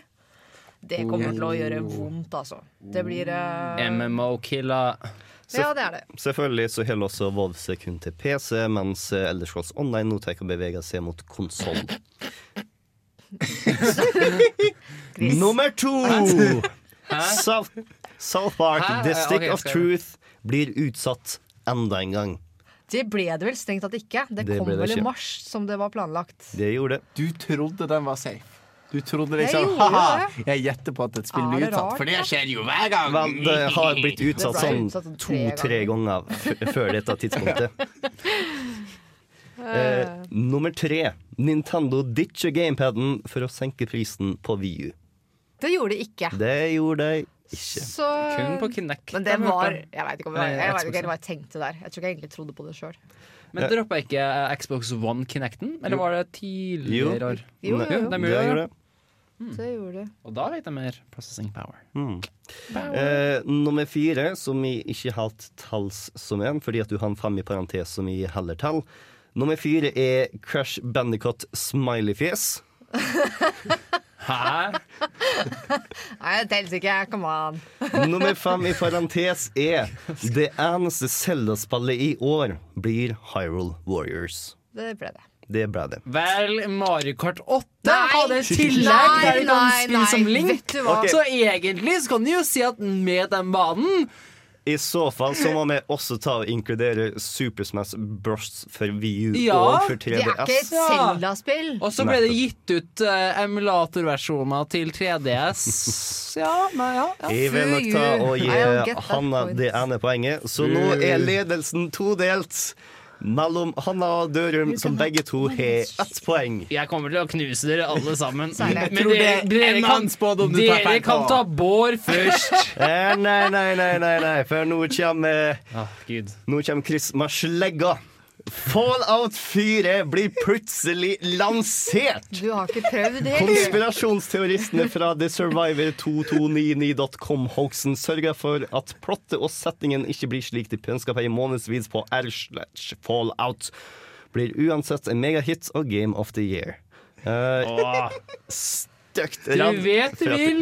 Du vet du vil! Det, jeg skulle gjerne gjette poeng for det der, men eh, virkeligheten samspiller ikke med det. Wow. Nummer to. Sånn. Nummer to. Kingdom Hearts 3 blir annonsert og får en releasedato. Flere Disney- og Final Fantasy-skikkelser introduseres. Parentes død. Det har jo Ja, jeg fikk ut etterpå at det hadde kommet yeah. til. Lenger ned i kommentartråden så blir det påpekt at Kingdom Hearts 3 allerede var annonsert i 2013, og vi har fremdeles ikke fått en releasedato. Vi har jo fått HD Collections og HD 2,5 Collection og 365 slash 7 Days, da, så det Jo, jo, man er stygt redd for at når du legger sammen Kingdom Hearts 1,5 og Kingdom Hearts 2,5, så får du Kingdom Hearts 4, og det er ikke Kingdom Hearts 3. Takk, det er confirmed! Half-Life 4 confirm. Går fremover. Nummer tre. Steam-serverne vil knekke sammen igjen under årets julesalg.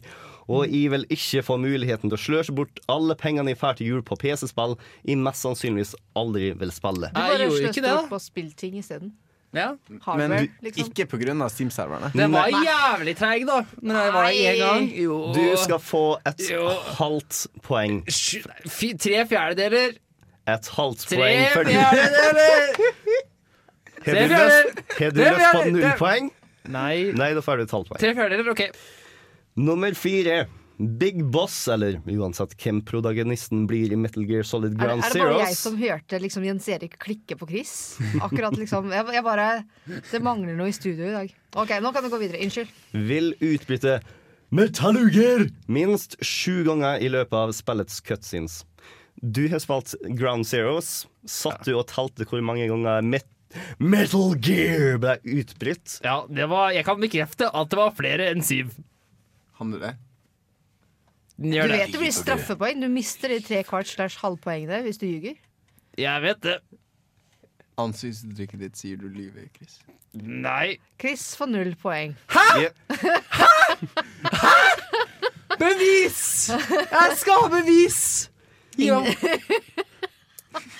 Hvorfor eh, poenget mitt. Poenget ditt er der 1,75 poeng, takk skal du ha. Mm. du har det under tvil. OK. 1,75 poeng. Yes! 1,5 under tvil. Ikke push flaksen. Ok. Da vi på andreplass. Eh, nå kommer jeg, og jeg kan ikke påstå at eh, jeg gjorde det så supermasse bra, i heller. Eh, nummer én. De globale salgstallene til Xbox One og PlayStation 4 kommer til å ligge innenfor 10% fra hverandre. Det feila du på. Det feila jeg på. Jeg tok og sjekka opp de tallene tidligere i dag. Og eh, sist de var målbare opp mot hverandre, som var tilbake i november, så har PlayStation 4 40 for, eh, forsprang over Xbox 1. Owned. Eh, nummer to er et av Control Alt Elites Game of the Year-vinnere. Vil være et japansk spill som ikke er utvikla av Nintendo. Dessverre så pusher ikke Jens Erik hardt nok for Bayonetta 2, så det poenget jeg heller ikke. Nummer tre. Årets indiespill, som kåra av Control Alt Elite, vil ikke være tilgjengelig på PC i 2014. Hadde vi et årets indiespill? Vi har det, men det var tilgjengelig på PC. Aha, Fordi at Hvilket? Hvilket ble det? ja. Jeg er litt usikker for øyeblikket, men absolutt alle gode indiespill i år, eller i fjor, var tilgjengelig på PC. Sant. Eh, og nummer fire. Vi vil se et spill skapt av en veletablert utvikler støtte Oculus Rift på dag én. Eller i det minste bli annonsert at det skal gjøre det. Det har heller ikke skjedd. Dag én er jo ikke hi- Men altså, det er jo det- er jo nærme, men vi har ikke fått uh, launch, Ja, da. jeg, Det har blitt så mye annet rundt òg. Det blir spennende det her. jeg har litt håp om at uh, ting skulle ta og uh, skje litt bedre. Tenker du på Valkyrien for det, for eksempel? Hmm? Valkyrie. Uh, laget av uh, og De som lager EVE Online. De lager jo også en sånn fighter-simulator til Liv. Det er Og Den er veldig Oculus. Har de annonsert at han skal støtte på uh... Ja, for det, det er laget for Oculus Rift, liksom. OK. Ett poeng til meg! Men er det Jeg vet ikke om det er utgitt ennå. Nei, nei, men det har blitt annonsert. som var det som sto i det. ja. Eh, så skal vi ta og se på hva vår lille sangfugl eh, skrev. Jens Erik, før dere så ikke følger med. Én eh, Han tror at Steambox kommer til å ta eh, Kommer til å ta av som stort mer enn nisjeprodukt. At den ikke kommer til å gjøre det. Nei, altså ikke kom til å gjøre det. At det ikke kommer til å ta av som Og stort ikke mer enn det. et- ja. Det er jo rett. Det var Det er feigt jo Det var Mulig Har, det- har det kommet ut? Kanskje. Ja, Har det kommet ut? det har vel kommet noe Jeg lurer på om det er to eller tre ok. To eller Ja, OK, det her blir spekulasjoner. Sitter sikkert lytteren og bare «Ja, ja, ja».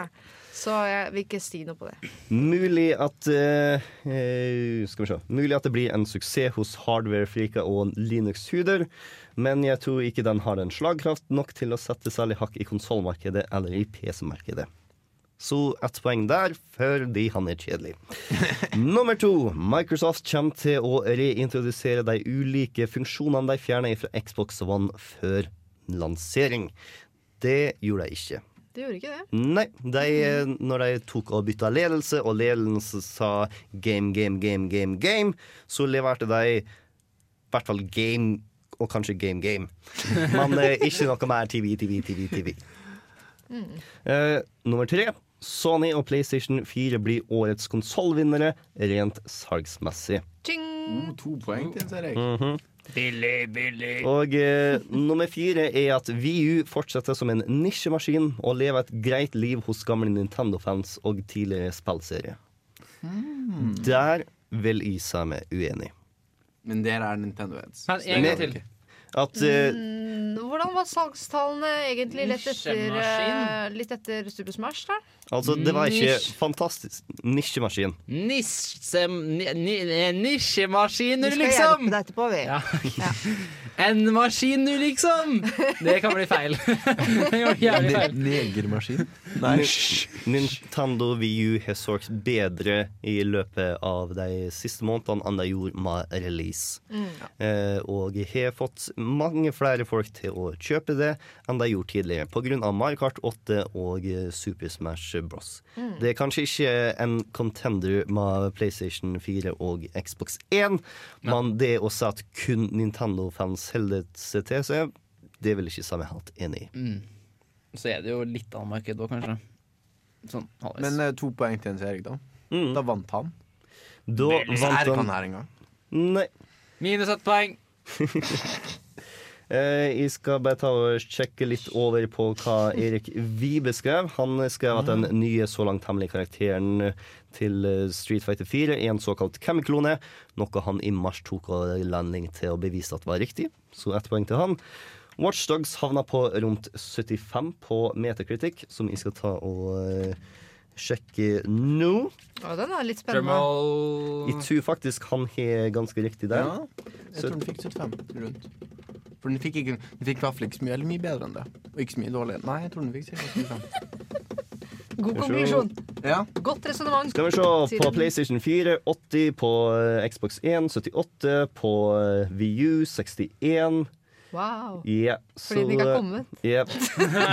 Så Men da er det fortsatt 61! Fordi den ikke har kommet. rundt 75 er innafor. Ja. Jeg syns også det. Men Kan jeg bare ta fem sekunder og kommentere på hvor absurd karakterer er på spill? Når et spill som ikke finnes, er over midt på treet. Yep. Det er liksom Ja ja, det er bedre enn liksom, det er bedre enn average, da. Selv om det ikke finnes. Du kan jo ikke engang si bedre enn ingenting, for det er faktisk ingenting. Det er faktisk ingenting. Eh, nummer tre. Atlus kommer til i løpet av året å slippe nok en kritikerendring fra Østen. Det gjorde de dessverre ikke. Jeg har håpet på at jeg skulle tatt og sluppet personer fem, noe som har gitt han det tredje poenget hans, men nei da, du. Og nummer fire, og denne må du ta og dømme, Hanne. Wildstar vil bli en godt mottatt og ganske populær MMO. Det vil derimot på ingen måte regnes som en Vov-killer. Jeg syns ikke det når helt opp til det. Mm. Det er, har nok gjort det bedre enn det Skyrim har gjort. De måtte kjøre Tenker du noen på Elder Scrolls Nei, Online? Elder Scrolls Online. Unnskyld. Uh, Alt er bedre enn Elder Scrolls Online. det var et dårlig sammenligningsgrunnlag. De måtte, altså, jeg syns ikke det er et godt tegn når de kjørte 50% rabatt på det både i november og desember. Uh, det var Jeg føler det er litt sånn smådesp. Mm. De har gjort det. Jeg, jeg har vært litt imponert, men jeg syns ikke det har vært noen kjempesuksess, liksom. Nei. Så da er det både Jens Erik og Erik som vinner spillåret 2014 med to av fire mulige poeng. Så Erik med valgfri Jens vant. Yes. Og eh, jeg vil også ta og påstå at eh, Erik kanskje han mer imponerende seieren, siden han var mindre kjedelig. Ja. Men eh, til neste gang må vi ha en sånn eh, offisiell definisjon på pluss-minus på eh, et spill kommer til å få ca. den karakteren på Metacritic. Sånn innenfor 10% eller noe sånt er ikke en eh, dum plass. Ja, men folk har alle spill mellom 70 og 90. Ja, men altså, det er jo der alle spill fins. Jeg vil si 5 opp ned. Ja, fem. Vi får Pluss-minus ta og diskutere det om det er en låt. Denne Ja. gangen her skal vi ta og høre på en uh, ukjent klassiker. Jeg har funnet tak i litt musikk fra Genesis-spillet Time Tracks. Eh, musikken er tatt og spilt inn av Tim Folin og heter BGM nummer 05.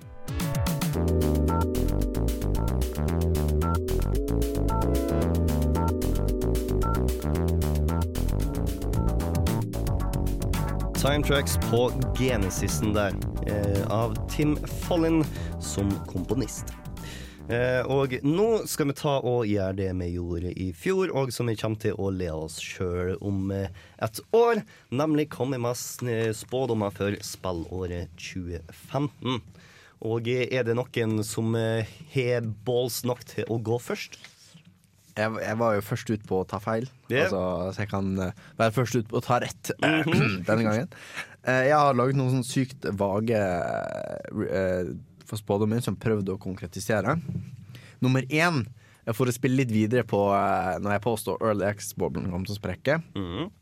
Jeg mener at nå, denne gangen må du sprekke. Og nå gjelder det ikke bare Early Access, nå gjelder det uh, release, uh, releases som er for dårlige. Altså Vi så Assassin's Creed Unity, som søg uh, på release. Battlefield 4, som var sent 2013, men likevel det var liksom en mer en trend vi så i 2014. Eh, og det er mange, mange som har kommentert på den trenden. Jeg tror at nå kommer vi til å se en liten backlash. Jeg håper, det er, litt, det er mest håp, noe tro, på at vi kommer til å se noe, at nå begynner kunden å innse ok, hvis vi ikke hvis vi ikke slutter å kjøpe spill på release før vi har sett om de faktisk funker, så kommer ikke dette til å forandre seg. Så jeg tror vi kommer til, på de store årlige releasene, COD, Assassin's Creed, så kommer vi til å se dårligere releasetall enn tidligere. Denne har jeg ganske tro på sjøl. Altså. Jeg, jeg kommer ikke til å stjele den spådommen, men jeg tror fordi at jeg tror at eh, i løpet av 2015 så kommer pre-orders til å gå ganske kraftig ned. Fordi at folk har brent seg veldig kraftig, og det vil ta og eh, påvirke hvor, masse, hvor mange spill som selges på dag én. Fordi at folk har ikke lyst til å ta og si at man heller må patche i en ukes tid. Og det vil ta og føre til at spillet ikke tjener like godt som det vanligvis ville gjort. Ja. At folk skjønner at det er ikke nok å få en eller annen sånn dårlig DLC-skin. Mm. Det er ikke verdt å satse liksom 500 kroner på det. Yeah. Spesielt når, når liksom, om et halvt år så er spillet billig uansett. Mm. Nummer to. Nummer to, eh, litt eh, sammen, eh, sammen på det, og igjen, det er ganske mye håp. Men jeg eh, håper vi får se demoer igjen. For det har vi mistet veldig. Det tror jeg er en av de tingene som driver piratkopiering, er at det er ingen måte å sjekke et spill på om du, om du Først og fremst om du liker det. Altså, det er jo en ting. Men noe annet er om det i det hele tatt fungerer på din maskin, om det liksom eh, kjører det greit. Så jeg håper vi kommer til å se at et stort spill slipper demo. Ja, for det er blitt veldig tabu, nesten. Eller ikke tabu, men veldig uvanlig at det slippes ut demo lenger. Grunnen for det er at uh, tilbake på Xbox 360-æraen så skulle hvert eneste spill som kom ut på Xbox 360, også ha en demo. Mm. Uh, man har litt tvil på den der sjøl, fordi at uh, det å lage en demo tar tid. Og eh, jeg regner med at hvis du er usikker på om spillet ditt klarer å bli bra nok til release eller ikke, så er det heller gjerne lyst mer lyst til å gjøre det bra på release enn å overbevise folk om at det blir bra på release. Men du har f.eks. noen av de spillene som eh, er så svære, og du vet det kommer til å selge dritbra. Og hvis det er også dem som selger dritbra, som også lider av at dritmange holder på å ko- piratkopiere det, Og da tror jeg de har godt av altså, Det kan iallfall være noe å prøve ut, istedenfor å bare mistenke kundene sine. At de faktisk legger, bruker litt penger og lager en demo. Så tjener de kanskje mer penger på det, for da kan de flere Ja, faktisk Det har vært interessant å sette tall på det. Ja. Nå ser vi jo faktisk mye sånn free weekends på Steam. Sist nå var det faktisk eh, Civilization Beyond Earth. Oi. Eh, det hadde bare, du kunne spille så og så lenge, bare, så det var en begrenset, men det var free weekend. Eh, og Saints Row hadde, fire 4 hadde en fullstendig free weekend. Oi, så kunne jeg spille så mye av spillet. Altså, jeg spilte 20 timer, kanskje. Nå kjøpte jeg det også i samme slengen uansett. Mm. Eh, men på en måte eh, de, de slapp det hele spillet free weekend. Så det er et alternativ da, til en demo. At det krever ingen jobb. Eh, og når, når Steam har sånne begrensninger i plattformen allerede, eh, så gjør de det på den måten. Det krever ingen ekstra arbeid. Men det, du slipper mer av spillet, da. Nummer tre. Nummer tre. eh, jeg tror reviews kommer til å forandre seg. Spillanmeldelser må forandre seg. Fordi eh, du kan si uh, Med Let's Plays og sånn, uh, så trenger du hmm. Og mange av, de, mange av de som spiller spill, har ganske god tid. Og de trenger ikke liksom en opp, veldig oppsummert ting. De trenger en veldig oppsummert anmeldelse. Og spill kan du liksom se for å vurdere det selv gjennom en Let's Play. Altså Du kan ikke ha en Let's Watch av et teaterstykke, og så kan du se det teaterstykket, og så kan du bestemme deg om du vil kjøpe teaterstykket eller ikke. Sant? Da må du ha en eller annen skriftlig review. Men det trenger egentlig ikke spill. Og det tror jeg vi har sett at Let's Plays har vokst, og de tradisjonelle anmelderne har mistet makt. Jeg tror et stort Jeg tror reviews må forandre seg hvis jeg skal overleve. Og jeg tror vi kommer til å se dette gjennom at et stort spillmedium forandrer reviewformat review-format radikalt. Eh, en joystick har sluttet med review scores, men jeg tenker enda mer radikalt enn det. Type nå gjør vi bare dette, som er helt vilt. Jeg tror vi kommer til å se noe sånt. Mm. Og eh, siste spådom. Siste spådom.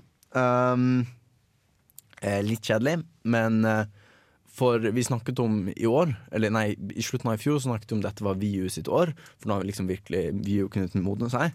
Da var VU to år gammelt. Det ble sluppet i november 2012, hvis jeg husker riktig. Mm.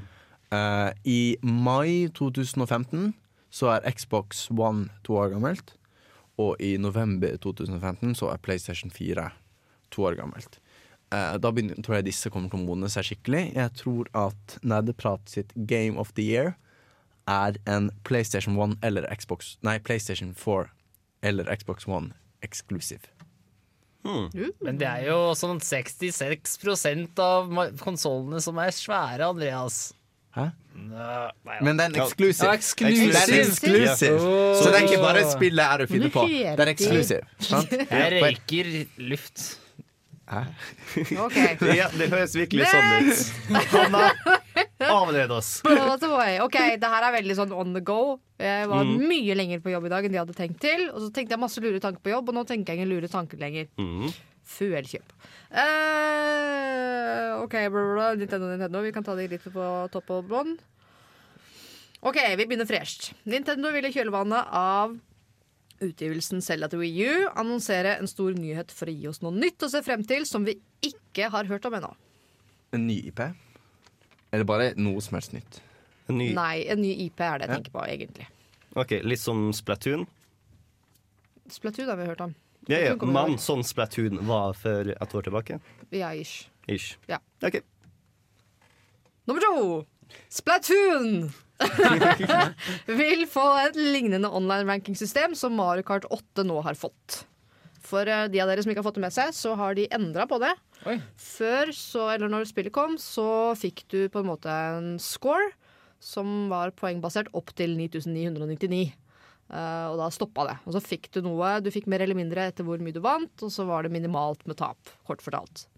Nå heva de denne grensa til 99 999. Og så har de satt eh, ja, sagt at oi, nå skal det gjøre litt vondt å tape. Så basically, så kan når du ligger på toppen der, kan du vinne sånn ca. to poeng på å vinne, men du kan tape 30 på å tape. Så det er blitt skikkelig Det- hardt i toppen, for alle har jobba seg veldig langt opp. Men nå har vi fått et rankingsystem som gir mer mening på sikt. Nå, det skal gjøre vondt å tape. Det skal være knivene på toppen her. Og jeg tror Splatoon vil være den type spill som Nintendo også ønsker å gi det systemet til. Så, så spådommen din er at Splatoon har et rankingsystem? Nei, altså Ah, see through your Det finnes jo et flere typer rankingsystem, men det er sånn at du, du får enkeltprestasjon, da. Mm. At det baserer seg på at du får veldig mye hvis du ligger på topp. Og så Ja. må du det blir, De f prøver å få til noe veldig konkurransemessig. Jeg tror er de begynner å se på at spill som er konkurranse, er mye penger i. Ja. Jeg tror kanskje Nintendo prøver seg litt mer inn på det markedet. Mm. Eh, tre. Eh. Apple TV vil få støtte for IOS-spill, men vil ikke ta noen nevneverdig eh, Altså det vil ikke ha noen nevneverdig innflytelse på konsollmarkedet. Det vil ikke ta noen andel av konsollsalg. Litt sånn usikker på hvordan man skal måle det, Spørsmål. men ja. Har ikke allerede Apple TV støtte for å dele skjermen din på Apple TV? Jo, men det er jo ikke samme greia. Det er jo at Apple TV-en din blir en spillkonsoll hvor du har en egen kontroll. Ja, ok, sånn ja. Ja. Mm, ja skjønner. Ehm, Men det er jo en stri... Ja, ja. Nå kan det hende jeg jukser litt, for det kan hende de har sagt at det skal komme. Det har vært veldig mye prat om det, men det er veldig mange som sier pass dere konsollgamere. Tror jeg ikke en shit på. Jeg tror ingen som kjøper Apple TV for å spille på den, uh, stopper å kjøpe konsoller av den grunn. De har jo ikke lagring på Apple TV. Det er jo en streamerboks. Det kommer jo nye Apple TVs, Ja. dude. Men det vil fort Ja, OK, greit. Vi får se. om det Nummer blir streamboks der. fire. Eh, jo, OK, litt kanskje kjedeligere. Vi, spesifikt, da. Vi vil få de første spillene som er laget for DirectX 12 i november. Yeah. Så i løpet av året. I Men- november, eller Men- innen. Innen eller i? Nei, i november. I Spesifikt. november. Så i stedet Ok. okto- Ikke i oktober. oktober, så blir det feil. Ikke desember. November. Var det forståelig? Hvorfor, Ja, november? Ja, ja. Hvorfor november, Fordi jeg har lyst til å gjette, Okay. og jeg vil ha spill som gjør det i år. Ja, for det, det er egentlig skjedd veldig mye spennende der som vi ikke har snakket så mye om med DirectX. Vi det, snakker vel ikke så veldig mye om sånne nei, det er, det, er kanskje, det er kanskje litt Nå har vi blitt nerdeprat, så Nå kanskje Nei, jeg vet ikke. Kanskje er det hopp, er det hopp? Eh, eh, Microsoft skal faktisk ta og holde en pressekonferanse om annet DirectX 12 sånn akkurat nå. Så det blir sannsynligvis eh, kanskje nyheter i neste ukes Nerdeprat, fordi at vi kan ikke ta avbryte sendinga. Så hvis du er klar for å bruke ni tiendedeler av den pressekonferansen til å høre dem runke om Windows 10, så er det helt i orden. Jeg venter på nyheten i morgen. Chris, få høre Ja. hva du har funnet tak i. Ok, Først og fremst, meget obvious. Metal Gear Solid 5 The Phantom Pain blir Game of the Year. Punktum. Sitt Game of the Year? Alles Game of the Year. Alles Game of the Year. Ok. Okay, du må ha noe Du må ha noe spesifikt. Blir det Nerdeprat sin Game of the Year, eller blir det IGN? Blir det Det blir Jens Eriks Game of the Year. OK, den, den skal du få lov til å beholde. Men regel, dere kan ikke si til Jens Erik han sa det. Han kommer jo definitivt til å høre på denne sendinga her. Det er jo, han ville høre reaksjonen på hvis han ikke hører på sendinga her, så kan han, han må finne ut sjøl, iallfall. Ja, ja, ja. Nå har du gjort det sånn at han kommer aldri til å Tror fortelle oss han hadde sett den, selv om Ja, tror du han kommer til å sende 'jeg hater det' på trass? Var Tror du dette det? Mest sannsynlig. Men derfor jeg vil prøve med det. Men nummer to Selda-spillere som kommer til VU, og som er bekrefta i 2015. det er utsatt. Nei, skjer ikke. Det skjer. Da dreper jeg en hest. Da Jeg må du gjøre klar. Det er det en nest. Eh, nummer tre. Um, det her er jo det her, det her er mye kjedelige. E3 blir mindre og mindre viktig, og det kommer ingen store overraskelser på E3 i år. Oi, hva, Hvordan skal vi definere en overraskelse? En som bare gir seg skikkelig wow. Nei, du må jo vite hva Altså, det, det, du har jo kanskje hatt en av E3-øyeblikkene der er sånn Å, shit, det her er jo så stort. Sånn, første gangen vi så Watchdogs, for eksempel, det var, Ja, det var en det, var stor, ja. det var et stort øyeblikk. Så ingen stor ny IP, for eksempel. Hvis Ja, en ingen, stor ja. Med mindre E3 er i kjølvannet av I januar 2016 så kommer jeg definitivt til å si nei, det var en overraskelse på E3, og Chris får null poeng. Og nå til den siste. Ettersom vi snakka i sted om hvordan Wii-en kan spille Vi-spill, så tror jeg at og litt av at nå er det New 3DS, kjempegod idé Nintendo, så kommer Nintendo nå til å lage New Wii U. Uten Uten Uten sånn herre Det er noe i studio der, altså. Jeg tror vi røyker nå, men uh, vi gjør ikke det. ass. Men seriøst, jeg tror at de dropper den derre Vi-emulatoren nå, som du har Vi, uh, nå som du kan laste ned Vi-spill fra shoppen. Uh, litt som, som på Wien, at de mista etter hvert eh, GameCube-support. Eh, litt for å gjøre det billigere, litt bare for å gjøre det mer stabilt. Uh, tror jeg. jeg tror også stabilitet improvements. Ja, iallfall. Uh, så ny VU Det blir en greie. Kanskje ikke det heter ny VU, men det er en VU med improvements. Femte spådom! De kommer med en konsoll som heter V1. Og det blir saksøkt av Vi1 Wien for 3DS. merkevare. Vi er 3DS XL i noe. Yes. Blir den kontrollen. Eh, min første spådom er kanskje en litt kjedelig en, men eh, PlayStation 4 kommer til fremdeles å være størst. Det kommer fremdeles til å være markedslederen eh, i januar 2016. Noen som har poeng. Billig! Billig. Skal vi si det er lov hvis du bare får et halvt poeng? Du får bare et halvt poeng for den. Vi burde ha det, noen sånne. Den får du bare et halvt Ja, det, poeng ja, det Så hvis du tar noe helt farfetch, så får du fire poeng, eksempel. Hvis du tar riktig dato. Petra. Ok, Jeg tror vi kanskje gjør det her nå til noe det ikke skal være, men OK. Vi får ta og diskutere det etter sending. Om et år. Nummer to er en som jeg gjerne kan få null poeng på, men jeg tar og satser likevel. Persona 5! Gamergate kommer, om ikke i navn, så i hvert fall i ånden, til å henge over spillmiljøet ut 2015. Så positiv du er. Det er derfor vi håper på null poeng. Kjapp, ja, kjapp uh, innskudd. Alt veldig mye skjer veldig fort på internett, for det skjer hele tiden masse nytt. Og jeg tror ja, Gamergate er større, så det kommer til å vare litt lenger, men jeg tror ikke det har så lang holdbarhet. Ja, Men hvor lenge har det Du kan jo si at det det ikke varer så lenge, og så kan du få et positivt poeng. Og bli overrasket av det isteden. Nummer tre. Verken PlayStation 4 eller Xbox 1 får en slim-versjon annonsert i 2015. Oh, men altså det er spennende. Det er gøy. Men altså, kan det bli bare en oppgradert versjon som ikke er slim? Tellelse da? Eller må det hete Altså, Alle nye konsoller blir jo mindre enn forgjengeren. Det er ja, ja. Det er det vi kaller det, det kommer ikke til å komme det vi kaller i uh, eh, bransjen en ny SKU. ja okay. Det er ikke en ny modell. SKU står det for. Serial code Nei. Unit. Nei, vent, jeg skal finne ut. Bare fortsett. Og nummer fire. Nintendo annonserer fullverdig crossbuy mellom 3DS og VU. For det som skjedde på eh, sist Nintendo Direct, er at dersom du tar og kjøper Mario versus Donkey Kong på 3DS-en, så får du en kode som du kan innløse på VU-en, og vice versa. Jeg tror de gjør dette fordi at de har lyst til å teste ut vannet, se om dette er noe folk faktisk gjør, og om det er vits for dem å ta og endre systemet for å innføre det. Og jeg tror de kommer til å finne ut at dette er noe folk har lyst på. Spillet så forresten kjempemorsomt ut. OK. Nye.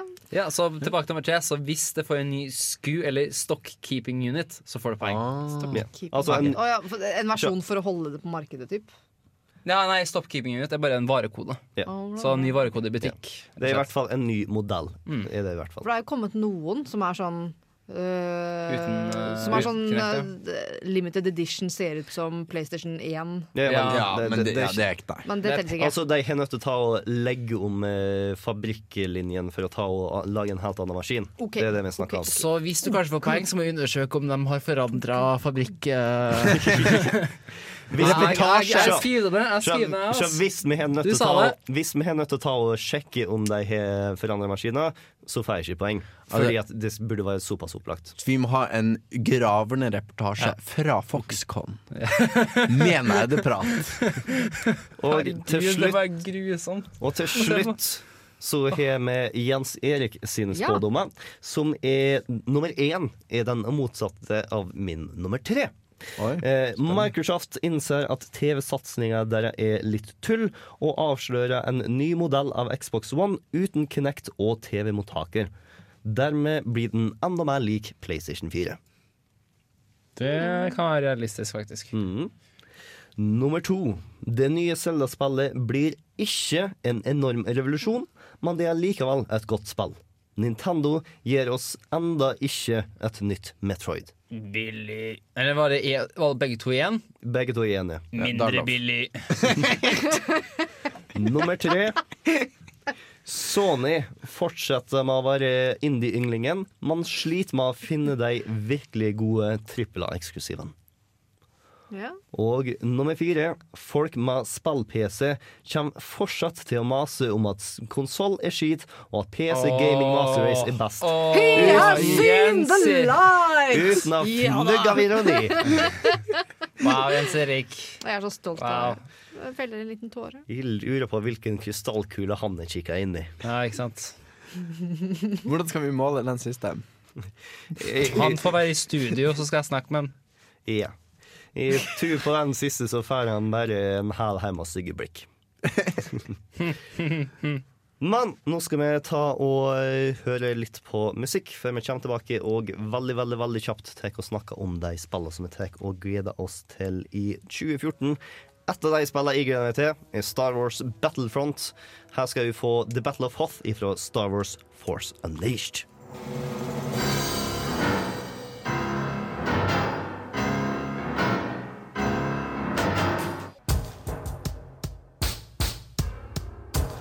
The Battle of Path, som eh, Dørum riktig påpekte at ikke var ifra The Force Unleashed, men ifra Force Commander.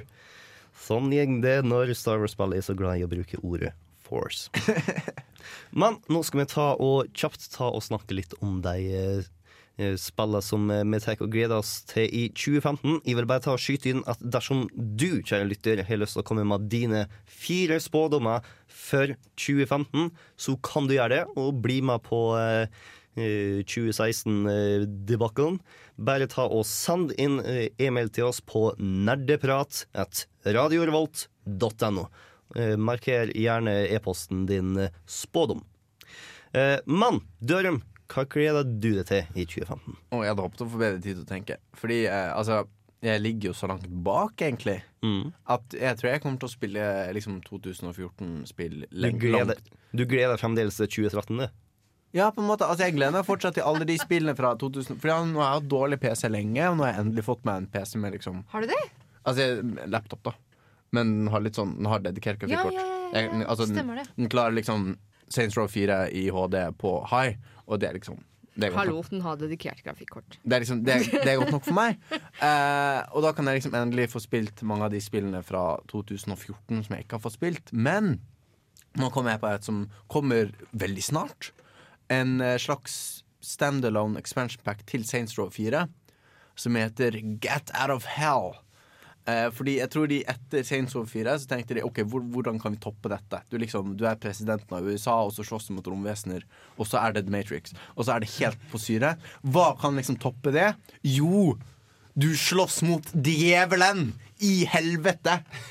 Det er plottet for Saints Row, Uh, of Hell. Så det, det, det gleder jeg meg til. Det tror jeg blir en Neste sykere. igjen det blir å slåss mot djevelen. Men ikke i helvete! Da er han på jorda. I himmelen! Kanskje slåss mot Gud? Kanskje det er hvem Diablo, det. Hanna, har du eh, funnet på noe smart? Ja, jeg har det. Jeg gleder meg Jeg gleder meg til Witcher 4, som kommer 19. mai. Mm, så ble det veldig stille. Og det var alt hun sa om det. Ikke noe om hvorfor hun gleder seg eller noe sånt. Det er bare åpenbart. Det ser helt aldeles nydelig ut. Det er noe av det lekreste jeg har sett på lenge. Det er sånn Det er gitt ut noe gameplay av det. Og det er sånn sinnssykt lys. Altså Witcher er jo kjent for å være helt vill grafikk. De har Ja. Det, det er vakkert! Jeg begynner nesten å gråte. Men, men de har blant annet så har de en eh, De kommer ridende på en hest. Og jeg er sikker på at de har bare gjort det for å vise hva den, den eh, motoren kan, liksom. For du ser sånn hår på sadelen som sitter og liksom rister i samme mønster som hesten rir og sånt. Det, det er samme, det er dritkult. Det er vilt. Så det her er Nei, nei. Dette er gameplay. Det her, det her er grafikk som kommer ut med Witcher 4. Nei da. Det er uh, Du spiller hekse, heksejeger, holdt jeg på å si. Mm, Ja, jeg, jeg kjenner til Witcher, men bare eh, nå så jeg for meg liksom denne hesten og dette lyset og sånn, så tenkte jeg er det gameplay, eller er det liksom en Nei det, nei, det er gameplay. OK, ja ja. Ja, ja. Jeg trodde ikke at gameplay var at du var en hest. Nei, det er Nei, nei. Ellers så gleder jeg meg til Ellers så gleder jeg meg veldig, veldig til Splatoon. Uh, jeg er glad i multiplayer-spill. Jeg vet ikke om dere har lagt merke til det. Uh, og det tror jeg kan bli knallmoro. Uh, så jeg sitter sånn og gleder meg som et lite barn. Og sitter og venter på en release date. Faktisk mer. Jeg ble overraska over at når Majora's Mask ble lansert til 13., så er jeg faktisk mer gira på å vite releasedatoen på Splatoon. Så gira er jeg på Splatoon. Så mm, vi får se. Chris, kan du reise deg fra jeg reiser meg opp! OK, Ja. da. Skal vi se. Um, Jo, jeg kan Den mest obvious for meg blir jo Metal Gear Solid 5 Phantom Pain. Men la meg si hvorfor jeg gleder meg til Metal Gear Solid 5 The Phantom Pain ved å ta litt mer ja, generalisert hva jeg ønsker meg i, i 2015. Og det er et spill som jeg tenker Det er skikkelig next gen. For det har jeg faktisk ikke vært borti ennå. Eh, Det kan være at jeg har spilt generelt veldig lite i det siste. Men jeg har, liksom, jeg har ikke vært borti et spill ennå der for at wow, det er skikkelig next gen. Her ser jeg at de har brukt liksom skikkelig heavy teknologi der de virkelig trenger all spexen som er på PlayStation 4 og Xbox One. Det har jeg ikke vært borti ennå. Det eneste som liksom bruker alt det PS4 og Xbox One har, er bare sånn skikkelig grafikkintensive spill. Men det sier Ja, det gjør ikke så mye om gameplay fortsatt suger. Eller ikke er ganske likt det som var forrige gen. da Jeg vil påstå at det spillet som kanskje er nærmest det jeg beskriver så langt, er Shadows of Mordor, som heter Nemesis-systemet sitt, som bruker ganske kraftig av eh, CPU-en. Nice. Det, er, bare et sånt spill jeg vil se en Mm. gang. Sure. så uh, gleder jeg meg til et spill jeg ikke trenger å vente så spesielt lenge Persona på. 5. Det, det må jeg vente lenge på, og det er ikke optimistisk på å komme ut i eh, Vesten i 2015 heller. Det jeg vet kommer til å komme ganske snart, er Grim Fandango Remastered, som kommer ut faktisk 27. januar.